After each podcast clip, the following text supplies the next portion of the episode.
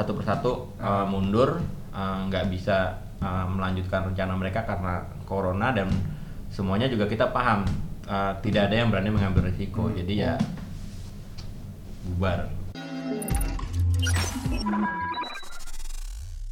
Hai Detekers, balik lagi di Obat Gaptep, obrolan tentang gadget, aplikasi dan teknologi. Kali ini kita akan membahas topik yang agak serius yang lagi hot belakangan ini ya ini wabah virus corona.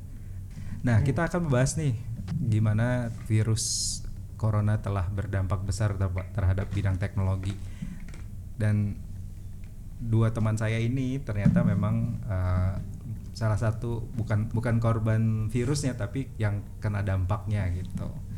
Nah, Mas Fitra Ramadhani, Red Pill Detikinet dan jurnalis Kawakan Detikinet Us. Agus Tri Haryanto. Halo Halo semua. Hai dek detikers. Ya, halo Detikas apa kabar semoga semuanya baik-baik saja. Terlindungi dari corona ya. Nah, bisa diceritain nggak Mas? eh, seben eh, wabah corona ini mulai berpengaruh di dunia teknologi sendiri sejak kapan sih? Kalau dibilang mungkin uh, mulai sebenarnya kan yang kena dampak langsung tuh pariwisata lah udah jelas ya. Terus kita tidak menyangka bahwa akhirnya uh, teknologi uh, dan dunia IT pada umumnya jadi kena dampak yang sangat-sangat serius. Jadi uh, saya dan Agus sebenarnya sudah punya mimpi indah kita ya, traveling di Eropa menjelajah uh, Spanyol. Karena ada acara besar uh, di awal tahun. Seperti kita tahu ada uh, apa Mobile World Congress di Barcelona di mana itu udah ibaratnya apa ya itu udah kayak uh, acara paling Pestanya besar ya, paling pesta besar lah ya teknologi pesta ya, di mana itu udah tahun. udah kita udah siap-siap udah anjar-anjar nih berarti wah ini bakal ada uh, sekian banyak uh, inovasi terbaru di uh, dunia teknologi yang akan buka-bukaan di sana uh, dan pelan-pelan mulai tergerus ya, tergerusnya mulai dari pemberitaan mulai nggak enak nih satu-satu mundur mulai dari ya vendor-vendor besar ya kita bahkan nggak nyangka bahwa uh, perusahaan-perusahaan sebesar itu akhirnya mulai gempar juga gitu. Ketika kita memantau dari uh, detik ini ke- uh, perkembangan kan kita pantau apa dampaknya ke teknologi. Jadi uh, dari uh, GSMA sendiri sebagai penyelenggaranya MWC itu sudah memperkirakan bahwa uh, separuh lebih sekitar 60% bahwa uh, orang yang datang ke MWC baik itu vendor ataupun peserta dari negara Cina, di mana Cina sudah sudah ada wabah duluan. Jadi uh, awalnya sebenarnya mengantisipasi bagaimana kemudian virusnya nggak kebawa ke acara konferensi itu. Tapi terus kemudian uh, beberapa perusahaan sudah mundur satu persatu dan akhirnya uh, acara uh, MWC itu sebenarnya sudah panitianya kalau kita pantau udah bikin hari ini bikin 5 protap gitu. Besok nambah 5 lagi. Terus nambahnya jadi jadi panjang prosedur yang yang mereka persiapkan untuk menyelamatkan acara mereka. Tapi, tetap yang datang tetap aman gitu ya. Iya untuk memastikan acara. Tapi begitu apa seminggu ya? Seminggu menjelang atau uh, itu akhirnya uh, mereka nggak nggak bisa gitu. Dan dan tidak bisa menyelamatkan acara itu karena akhirnya tinggal dari sekian banyak vendor akhirnya tinggal separuh yang kurang dari separuh yang yang yang bertahan. Dan akhirnya termasuk juga tadinya kan uh, lo yang mau ngajak jalan lu siapa Gus? Realme. Realme Uh, terus Saya sendiri aku juga uh, mau diajak sama Oppo terus uh, dari kita kan dari Deticom Family ini tim Inet Nah. full tim nih tadi kita mau ngirim 5 Lima. uh, lima wartawan sekaligus ke acara itu dari uh, dia diajak sama XL Ah, Excel terus Asiata. juga XL Axiata terus kemudian juga uh, Vivo. Huawei juga ngajak Ah. Vivo juga ngajak karena mereka juga mau ngeluarin APEC uh, 2020 terus juga uh, Realme, Agus sama Realme uh, saya sama Oppo ada yang lewat nggak tadi udah berapa? lima. Udah, udah, pas lima kan? Terus akhirnya uh, satu persatu uh, mundur uh, nggak bisa uh, melanjutkan rencana mereka karena corona dan semuanya juga kita paham uh, tidak ada yang berani mengambil risiko jadi ya bah, bubar. Jadi jadi satu persatu di di ini ya apa eh, membatalkan acaranya. Tapi sempat katanya eh, walaupun akhirnya MWC dibatalin, ternyata ada beberapa vendor yang masih tetap meluncurkan produk di sana gitu. Eh, ada tuh kayak yang saya tuh Realme dia tuh kan Ah. mau luncurin X X50 Pro 5G kan Ah. tadinya mau di Barcelona cuma dia dipindahin ke Madrid Heeh. selang berapa hari ya nah bagusnya teknologi ini tuh walaupun ketika konferensi secara offline itu dibatalkan tapi kita bisa memanfaatkan teknologi mulai mulai seperti streaming Mm-mm. itu salah satu eh, dampak positif keberadaan teknologi jadi ya tetap jalan walaupun mungkin impactnya tidak terlalu besar sih se- seperti biasanya cuman itu kan bisa jadi solusi setidaknya Mm-mm. gitu Tapi akhirnya Hmm. akhirnya tetap jalan atau tetap diluncurin tapi tetap di di di Madrid di Madrid itu Hmm. ya. nah meluncur juga secara online dia Hmm. Nah kalau Oppo sendiri setahu saya waktu itu ini juga kan mas eh, sempat mau diadain Barcelona. Nah, Oppo tuh kemarin tetap jalan, tapi ya sambil dekat juga. Jadi karena uh, di Barcelona gagal, Oppo tuh uh, tetap untuk uh, tetap memberangkatkan ke akhirnya belok ke Italia Ah. untuk uh, lebih fokus ke user experience sama uh, hand on pertama kan uh, untuk waktu itu kan M uh, Fine X2 series. Sementara memang peluncurannya sendiri akhirnya dimundurin ke awal Maret Tanggal 6 ya, tanggal kalau 6 secara online.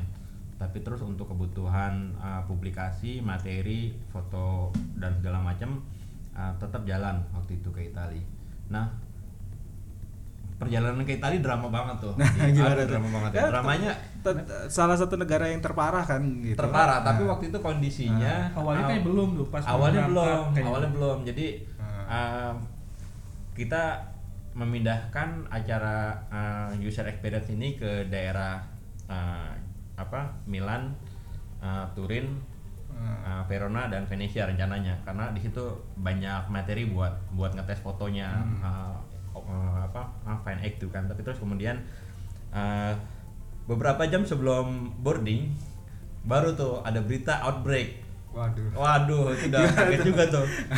Ah, sumpah kaget. Sebenarnya kita dari berangkat udah persiapan apa hand sanitizer sama masker ya. Tapi terus kemudian ah, berita outbreaknya, jadi memang di Italia sudah sudah mulai muncul satu-satu. Terus akhirnya ah, menjadi sebuah outbreak dinyatakan outbreak itu beberapa jam sebelum berangkat tuh di udah nggak bisa batal tuh. Ya udah jalan jalan dengan kita dengan kondisi ya udah kita ah, waspada aja. Tapi terus kemudian jadi apa ya jadi pengalaman langsung kita juga gimana ngelihat uh, Itali pada waktu itu menghadapi wabah corona di fase-fase awal belum lockdown kayak sekarang. Jadi waktu di waktu landing di Milan itu udah mulai ada penjagaan ketat dari tugas bandara di airport ngecekin pakai termometer yang tembak gitu kan terus kemudian kita juga ngelihat bagaimana akhirnya di kota tuh mulai tutup tuh kayak toko-toko eh, objek wisata fasilitas publik itu udah mulai tutup. Kayak ibaratnya eh, kalau di Italia kan stadion bola tuh jadi ini banget kan. Tapi kayak kemarin eh, Allianz Stadiumnya tempat kandangnya Juve tutup gitu kan. Terus kemudian San Siro juga tutup tempat apa? AC Milan. Dan terus jadi kita melihat juga oh ini sudah sudah mulai kondisinya sudah mulai eh, enggak leluasa lagi untuk bergerak. Tapi nggak tahu kenapa ya kalau kemarin sih pengamatan gue sih orang Italia tuh nyantai gitu sih man maksudnya mereka m- mungkin mereka juga waktu itu masih menganggap Sama "Alah, kayak kita apa," ya, gitu, yang sama kayak kita biasa gitu ya. Iya, Mas. jadi justru malah ketika eh, saya dan teman-teman media itu di sana pakai masker malah kita dipelototin di. Kayak ah lu ngapain lu pakai masker? Lu mau nyebarin virus? Malah gitu. Jadi anak-anak juga pada kok jadi malah kita yang diliatin kan negara lu yang udah kena duluan gitu kan tapi terus kemudian ya udahlah kita uh, waktu itu ada plan B kita akhirnya keluar dari Italia kita memindahkan uh, kegiatan liputannya di uh, Swiss yang emang masih bebas corona dan liputannya bisa bisa berjalan dengan baik. Terus kita pulang lewat Italia cuma buat pulang doang lewat. Italia terus terbang pulang terbang juga drama lagi di aduh Nah gimana tuh? Boleh bis- bisa ada yang, diceritain? ada yang pinjang di pesawat tuh bayangin loh kaget banget kan udah udah Karena kan pikirannya kalau corona itu yang kejang-kejang gitu kan. Enggak, enggak kejang. Kita juga Enggak, ya kan, video-video tapi viral itu kan.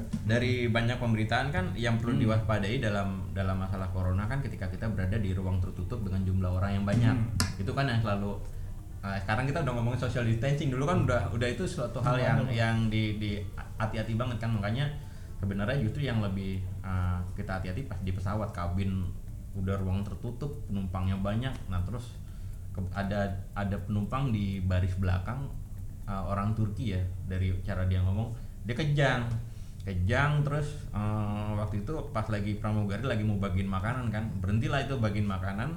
Karena ada yang kejang penumpang satu baris itu disuruh minggir semua. Nah terus pilotnya udah masang pengumuman tuh. Is there any doctor in this plane please come up. Waduh udah ngeri banget. Wah udah manggil dokter nih. Akhirnya datang tuh dokter ada bule dua sama orang Indonesia satu tuh. Ngedatengin si pasien yang kejang dan terus yang bikin lumayan parno tuh eh, pramugari udah langsung pakai masker sama ini Sarung tangan. sarung tangan. Aduh ah, cuma lah yang bawa masker langsung pada masker gitu maskeran gitu kan. Hmm. penumpang-penumpang yang emang bawa tuh. Terus akhirnya ditanganin terus eh, si penumpang yang kejang bisa sadar kita kurang jelas ini kenapa dia kejang nggak nggak jelas kan kita nggak ngerti. Yang ngerti ya si dokter yang nangani sama pramugari. Terus si penumpang yang sadar itu bisa ditemenin sama uh, satu pramugara sampai landing. Kita udah kebayang juga ini ini kalau uh, mesti pendaratan darurat itu posisinya waktu itu udah di atas Malaysia tuh.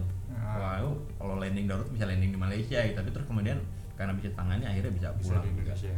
Tapi waktu itu eh, ya dengan kondisi itu eh, saya juga kan koordinasi dengan Wapimred eh, dengan kondisi kayak gini gimana ya waktu itu diputuskan ya udah Dikarantina mengkarantina meng- secara mandiri mengkarantina 14 hari gitu dan alhamdulillah aman ya Alhamdulillah aman. Tapi uh, selama proses karantina juga kan mulai itu sebelum sebelum rame work from home ya udah kita mulai duluan tuh Hmm. apa kerja dari rumah. Tapi uh, tetap koordinasi juga sama uh, dinkes uh, setempat, terus juga sama rumah sakit seperti itu. Oke. Nah kalau ngomongin lagi soal dampaknya lagi kan tadi pameran teknologi eh, sampai dibatalin gitu. Ada lagi nggak sih Nggak yang hanya MBC ya, ternyata itu juga dampaknya ke malah hampir setengah mungkin dari sampai sampai pertengahan tahun kan mungkin kayak kayak kalau kita tahu kan kayak eh, Google I.O. yang kemungkinan eh, biasanya Maret eh Mei Mei Mei, maaf, ah. Mei ikut dibatalin terus soal yang si E3 juga yang soal game dibatalin juga Yang di Taiwan ya. Mm-mm. Iya.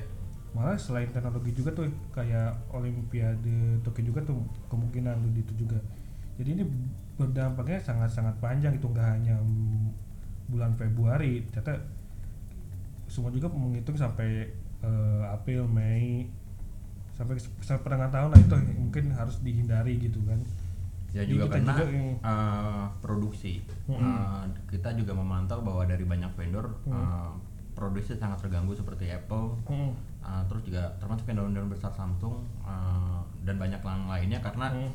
um, walaupun misalnya katakanlah dia buat ngeluarin di Indonesia dengan persyaratan TKDN segala macam dia udah punya pabrik di Indonesia tapi ada beberapa bagian kecil kayak misalnya chipnya atau apanya yang tetap harus dibawa dari Cina ya? Cina dan di Cina nya nggak bisa produksi ya otomatis satu satu barang itu nggak muncul ya satu line produksi nggak bisa dijalanin.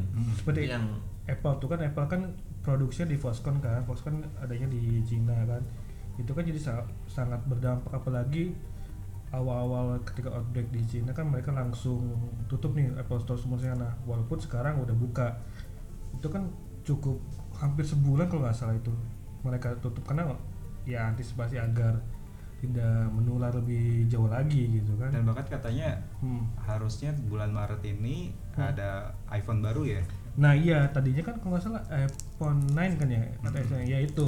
Oh iya Apple yang acara Apple juga yang di WWDC eh, itu juga dibatalin. Oke. Ah, Berarti ya itu sangat merugikan sih bagi teknologi. Walaupun di sisi lain ya soal traffic data itu sangat tinggi jadinya. Ya operator jadi makin makin kewalahan nih kapasitas bandwidthnya harus ditingkatin lagi. Ini kayak kayak musim lebaran deh gitu kan. Trafficnya tiba-tiba langsung tinggi semua udah eh, karena apa ya bahas ya mengkarantina, mengkarantina diri sendiri ya ya alhasil kan mainnya main-main online streaming ya berat semua ke online jadinya Oke. Nah, ngomong-ngomong di Indonesia ini kan eh, baru eh, wabahnya baru baru baru Dua ini ya. nih, Ya, dua dua, minggu ini. Nah, terus Presiden Jokowi kan menganjurkan untuk Hmm. kita sekolah dan ah, belajar dan kerja dari rumah Work gitu. from home. Nah, itu eh, kesiapan sendiri dari operator tadi gimana Mas Agus? baru-baru ini Ah. kan ya kominfo ya walaupun agak agak telat sih sebenarnya eh, koordinasi dengan operator untuk meningkatkan kapasitas bandwidth ya itu seperti tadi bahwa traffic data bakal tinggi karena kan eh, anjuran untuk kerja di rumah sama belajar online kan bakal jadi ke sana. Kemarin udah udah meningkat kapasitas operator juga kan. Selain itu juga eh, Kominfo di sisi lain eh, menyusuri hoax hoax itu kan dianggap virus lain virus teknologi juga kan yang sangat berbahaya gitu kan. Itu kesiapan sejauh ini yang mereka lakukan. Oh ya katanya kan hari ini juga eh, Kominfo sama operator mau rilis chatbot di WA untuk COVID-19 jadi semacam kayak ketika ntar ada eh, oh masyarakat pengen tahu tentang lebih tentang jauh tentang COVID-19 ini bisa nanya ke chatbotnya di WA gitu jadi lebih interaktif walaupun ya kalau pengen ke website juga itu sudah bisa gitu Tapi, Tapi kalau kata gue Gimana? dari sisi teknologi ya, pemerintah masih kurang kurang gercep, sih. Hmm. Ah, tadi kan dia baru walaupun sudah ditunggu lama ya. Hmm. Pemerintah tuh baru kemarin secara resmi ngeluarin website official untuk covid19.go.id. Hmm. Which is sebenarnya udah ketinggalan dengan ah, apa misalnya katakanlah ah, usaha-usaha independen misalnya yang lebih ke ah, crowdsourcing kayak akan ada kawal covid gitu kan Hmm. yang emang lebih ah, crowdsourcing. Padahal pemerintah sebagai ibaratnya yang punya negara mereka mesti bisa, bisa duluan. Terus kami juga dari redaksi kan kita udah ngetes juga nih websitenya nih Hmm. uh, mengalami dua masalah klasik. Uh, Hmm. Kita coba kadang down, refresh refresh akhirnya bisa. Itu kan sebenarnya masalah bandwidth yang sebenarnya iya. udah udah harus di handle dari harus diatasin. karena kan ketika dia mau jadi sebuah website atau civil berarti dia harus siap dengan traffic kunjungan yang tinggi. Hmm. Terus kemudian kalau dari layout uh, sebenarnya uh, kita lihat sangat informatif, informasinya lengkap tapi kemudian uh, mungkin uh, prioritas informasi apa yang mau ditampilkan? Karena ternyata untuk update kasus jumlah jumlah kasus jumlah sembuh jumlah kematian dia taruh di bawah. Jadi har- sebenarnya yang penting malah iya di bawah. di atas Nah, ya. di, di atas malah dia naruh slogan. Slogan gitu yang eh, slogan kan sebenarnya cukup kecil aja gitu di atas. Tapi orang tuh begitu uh, bayangannya ketika dia buka sebuah website resmi dia pengen tahu update kasus Iya. sama uh, essential informationnya apa apa how how to nya gitu kan. Nah how to nya sih emang udah ada di atas nih tapi walaupun kurang atas karena kalau begitu buka yang isi slogan dulu. Slogan ya. uh, scroll dikit baru kelihatan uh, hal penting yang harus dilakukan gitu. Padahal mungkin makanya kita tulis di berita akan uh, lebih baik seandainya layoutnya di, diperbaiki Ah. lagi.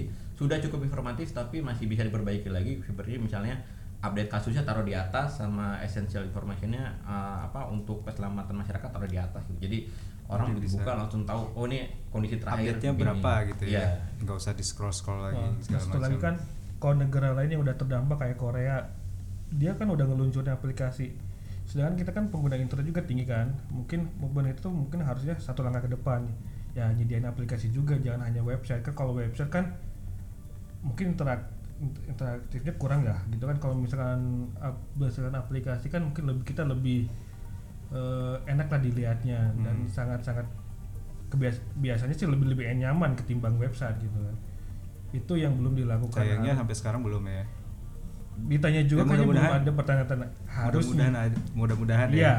Pas eh, ya ke depan lah Ah. biar biar ini. dan Nah, satu lagi nah. mengenai eh, penelusuran eh, yang orang positif itu juga masih masih kayak datanya ini mereka tuh ke mana aja sih Hmm. sebenarnya beberapa pengamat kan bilang eh, pemerintah sebenarnya bisa bekerja sama dengan Google kan Google kan bisa men-track Tracking gitu tracing ya. orang yang berdasarkan eh, sebab mereka kan di sana jadi ketahuan nih oh daerah sini banyak orang-orang eh, orang-orang yang positif ba- eh, kebanyakan ada, ada di sini gitu atau enggak Hmm. lewat sini gitu itu kan setidaknya bisa lebih diantisipasi lagi gitu kan itu yang saat ini belum dilakukan nyambung sedikit ke sini Hmm. uh, hal yang juga tidak ada di di website resmi uh, covid.go covid19.go.id adalah itu tadi peta sebaran mungkin kalau tadi yang seperti Agus bilang kalau seandainya Hmm. memang ada orang tuh sebenarnya nanya itu juga peta sebaran jadi uh, update kasus terus juga uh, informasi tip and trick buat menangkal corona sama peta Ah. sebaran itu tiga hal penting yang Tiga hal harus ada penting di yang sayangnya sana. nggak ada ya. pemanfaatan teknologi kan kita kan seharusnya udah ibarat kita udah udah masuk ke dunia digital ya pemanfaatan teknologinya harus lebih digencarkan gitu kan Oke. Hmm. Nah kalau ngomongin tadi kan sempat nyinggung Nah. hoax gitu.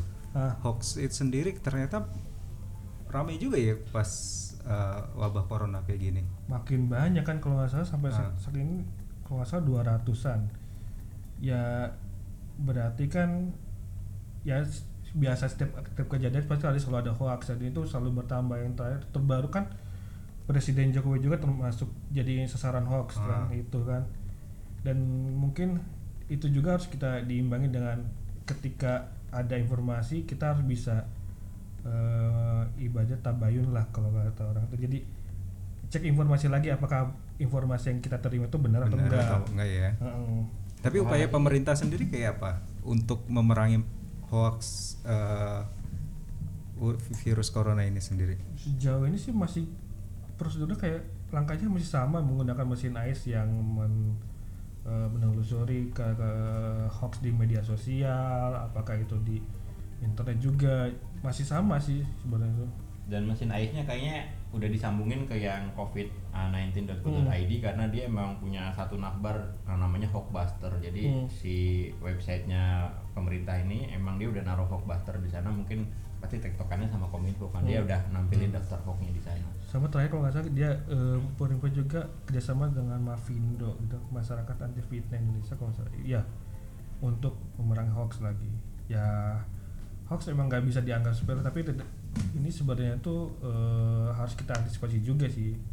Tapi buat teman-teman detiker sih karena uh, ini kan Hmm. terkait dengan wabah virus corona ya kita kita nggak nggak bisa sembarangan bahwa uh, terkait wabah gini memang sebaiknya dari uh, teman-teman detikers juga membiasakan diri untuk selalu uh, mereferensikan informasi ke pihak-pihak yang emang resmi kalau nggak Iya. dari media masa yang emang benar Ya, dari lah ya. lembaga- iya Detikcom lah dan uh, juga lembaga-lembaga Nah, kalau perhatiin broadcast broadcast kan liar lu bayangin Hmm. aja uh, ada broadcast tentang corona yang ngeluarin UNICEF coba pakai logika aja deh ini kan Hmm. wabah penyakit ya Boya WHO gitu loh tapi begitu ngelihat bahwa ini broadcast dibikin oleh UNICEF ini mestinya kita udah curiga dong maksudnya kok masa UNICEF yang ngeluarin gitu Hmm. ini ini kan otoritas um, mengatakan pandemi dan dan status-status lain terkait kesehatan itu otoritasnya WHO gitu Bukan jadi UNICEF ya? Iya, bukan bukan lembaga lain. Jadi kita tuh eh, dari eh, netizen juga mesti mesti eh, kritis juga bahwa oh bisa milah nih ini informasinya kok di- dibilangin dari sini apakah dia punya kapasitas untuk bicara apa enggak gitu. Jadi em, ada mereka punya filter pertama eh, sebelum serbuan hoax ini menyerbu di media sosial ya kita pun punya filter juga buat nangkal bahwa ini masa sih kayak gini. Nah kalau ngomongin work from home sendiri gitu, apa sih kan semuanya lagi work from home. Cuma untuk memperlancar memperlancar work work from home sendiri, apa sih yang harus disiapin mas? Mungkin. paket data itu yang utama soalnya kan kalau nggak ada ya internet ya kita gimana mau kerja dari rumah gitu mau belajar online kayak gimana. Intinya sih kuota kalian harus lebih disiapin lagi giga-giga ya. Mungkin udah harus puluhan giga kali ya karena kan eh, yang biasa kita di kantor pakai akses wifi kantor itu kan bisa enak lah kita yang konten video itu kan bisa enak lancar. Kan kalau di rumah kan dengan paket yang seadanya kita yang seluler ya bisa aja pot-potan gitu kan Perlu nggak nih? Kalau ngomongin soal data deh, perlu nggak pemerintah me- memberikan eh, bonus kuota untuk masyarakat karena kan memang ya keadaan begini Hmm. harus mewajibkan di rum bukan mewajibkan me- menyarankan untuk di rumah gitu. Sementara kan kalau beli beli kuota yang banyak untuk ya Hmm. untuk video call aja pasti banyak banget kan. Hmm. Nah itu perlu nggak sih?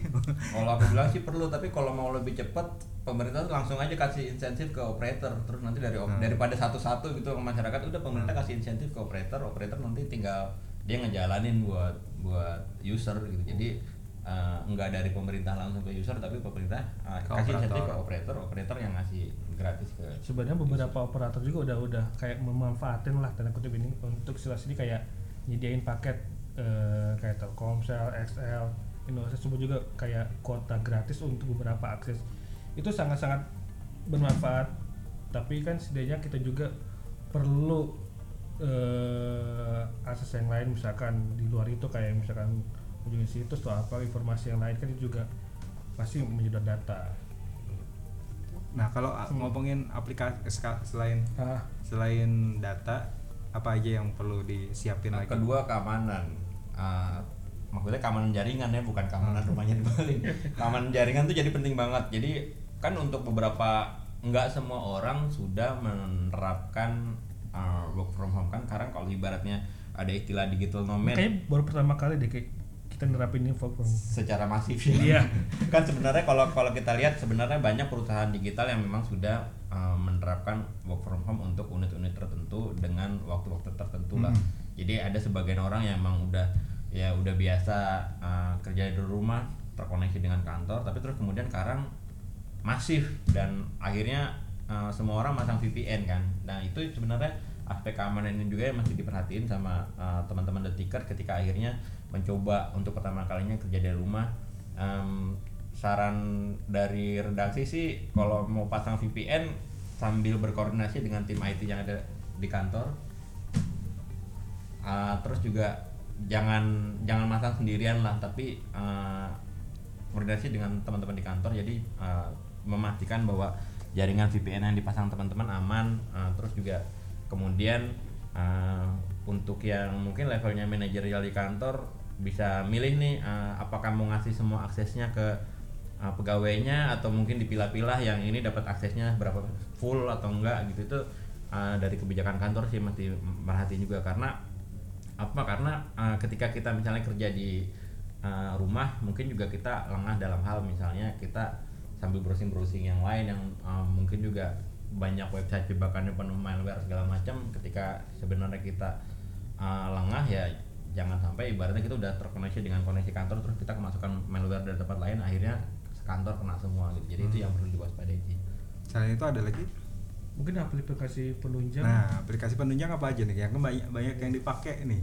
buat Yang- sebenarnya um, buat kan ada dua ya buat yang anak-anak sekolah kan ada yang Google Classroom itu udah efektif banget sudah banyak yang make terus sebenarnya kalau saya lihat juga kebetulan uh, anak gue juga sekolah dari ya belajar dari rumah kan. Uh, dia sebenarnya sederhana dia pakai WhatsApp sudah bisa jalan juga karena memang kebetulan modelnya adalah mengumpulkan tugas. Jadi dia bukan bukan telekonferensi kan judulnya uh, siswa dikasih PR terus kemudian mengumpulkan tugas lewat WhatsApp itu efektif sih. Jadi semua ngumpulin WhatsApp tidak contek-contekan kan karena di WhatsApp grup itu ya masing-masing uh, ngerjain tugas dia dan dia submit ke gurunya masing-masing terus juga sebenarnya untuk kebutuhan meeting itu ada banyak banget kayak misalnya eh, teman-teman yang kemarin ramai dibahas misalnya aplikasi Zoom, Zoom, itu ya. banyak banyak yang pakai juga uh, buat Kalau Slack uh, udah tahu dari dulu lah mungkin. apa Kalau Slack, Iya. Slack ini Iya. Slack udah banyak yang pakai juga. Uh, Zoom kemarin banyak dipakai orang karena uh, praktis dan uh, dan uh, bisa melibatkan banyak orang juga dan untuk yang kebutuhannya meeting itu uh, asik banget sih. Terus kemudian juga masih banyak beberapa aplikasi lain. Uh, Hangout itu juga Hangout sama Meet. Uh, Hangout itu sebenarnya kan udah udah banyak dipakai orang tapi ternyata itu bisa dioptimasi lagi buat teman-teman yang mau kerja di rumah sambil koordinasi dengan teman-teman lain yang tersebar di mana pun terus juga ada uh, Facebook punya Workplace, terus juga ada Microsoft Team itu bisa dipakai juga buat uh, teman-teman yang mau kerja dari rumah. Uh, ada Chrome, uh, terus juga ada apa lagi ya? Basecamp, Basecamp. uh, apa lagi? Webex, Webex Webex-nya sama Cisco uh, ya. Iya, Nah, sama Asana. Oke. Kalau kalau mau lengkap mungkin ba- baca aja di Detikinet ya. Nah, itu intinya. iya. Karena semua mengulas mengulas lengkap ya soal. Kalau nggak salah, soal- kebetulan kita juga lagi bikin topik apa highlight topik kan tentang Hmm. work for home. Jadi kan di sana kalian bisa cari informasi lebih jauh apa sih itu work for home dan eh, layanan eh, layanan apa aja yang bisa kalian manfaatin selama work from home atau nggak belajar online. Nah, gitu. Kita nggak tahu nih bakal Hmm. berapa lama nih ya work, work from home ya, walaupun uh, proyeksi pertamanya Dua minggu ya. dua Dua minggu minggu. ya. Mudah-mudahan sih bisa cukup dua minggu lah ya. jangan jangan jangan Ya, jangan. tapi nggak tahu juga nih detiker jangan-jangan malah lebih senang kerja dari rumah. Baiknya sih jangan karena eh, ya sebenarnya ada ada positif sama negatifnya. Positifnya ya kita bisa bisa lebih berkoordinasi lah. Negatifnya kita interaksi kita yang biasa eh, berhadapan jadi terbatas. Kayak, kayak kemarin tuh beberapa peluncuran gadget mulai dari Freshcon, Freshcon juga harus online. Itu kan eh, sebenarnya tuh manfaat teknologi lah. Tapi kan di sisi lain untuk kebiasaan kita kan doorstep nih eh, di luar topik. Dan kalau handphone kan harus pe- pegang ya gitu harus pegang nah itu kan jadi Ya. jadi keterbatas kita gimana nih jadi, jadi kurang merasakan jadi untuk penulisnya jadi gak dari hati gak dari bukan dari kurang gitu jadi kurang kurang Experience-nya. mu- kurang mumpuni lah wah kurang iya. rasa. Ah. ya mudah-mudahan sih ini eh, Ya, berlangsung sampai lama lah selamanya ya. ya yang penting kalian tetap waspada lah tapi jangan sampai kalian membatasi eh, membatasi kreatif kalian untuk bu- kreatif eh, Hmm. membatasi kreatif kalian untuk mengeluarkan inovasi ya tetap aja gitu kan Tuh. maupun itu work from home gitu Oke, kalau begitu. Hmm. Jadi kalau informa mau informasi lengkap Yep. tentang corona dan teknologi segala macam untuk work from home Hmm. bisa dibaca di Detikinet berarti ya. iya Oke. Hmm. Demikian Detikers eh, obat gaptek kali ini yang membahas soal eh, wabah corona dan sangkut pautnya dengan teknologi. Terima kasih sekali udah mendengarkan. Eh, ja- jangan lupa untuk selalu update berita-berita teknologi terutama soal work from home dan virus corona di Detikinet ataupun detik.com dan jangan lupa juga untuk uh, follow akun Instagram dan Twitternya di @detikinet. Semoga kalian tetap sehat dan tercegah dari corona. tetap waspada Nah, saya Adi. saya Agus Kayak Sampai jumpa lagi. take care Steph Ya. stay Stay safe. safe Stay healthy. Stay healthy. Bye. bye